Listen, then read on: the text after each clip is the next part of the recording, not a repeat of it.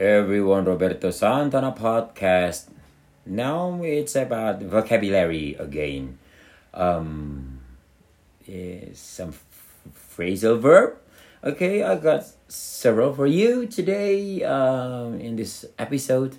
The first one would be turn into. Turn into means to change and become someone or something different.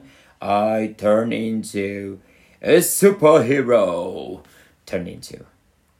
Caterpillars turn into moths or, or butterflies.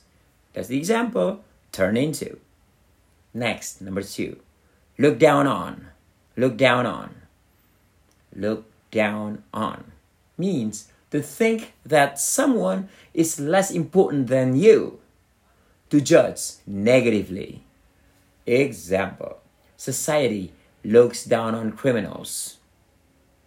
Example Homeless people are often looked down on. Example He looked down on anyone who didn't share his views.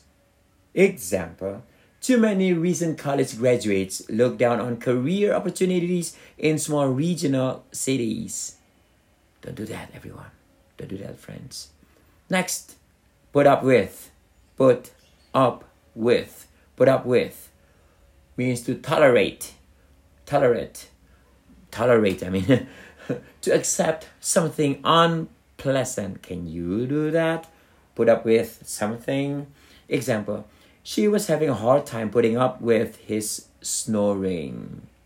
So this is about, yeah, family matter. Uh, next, I can't put up with you any longer. Next example, I can't believe you put up with all that noise in the hall. Next one would be call off. Call off. Call off means to cancel a planned event to cancel a planned event. Example, the game was, ca- was called off because of the weather. The game was called off because of the weather. Or maybe one more example. He had to call off this meeting.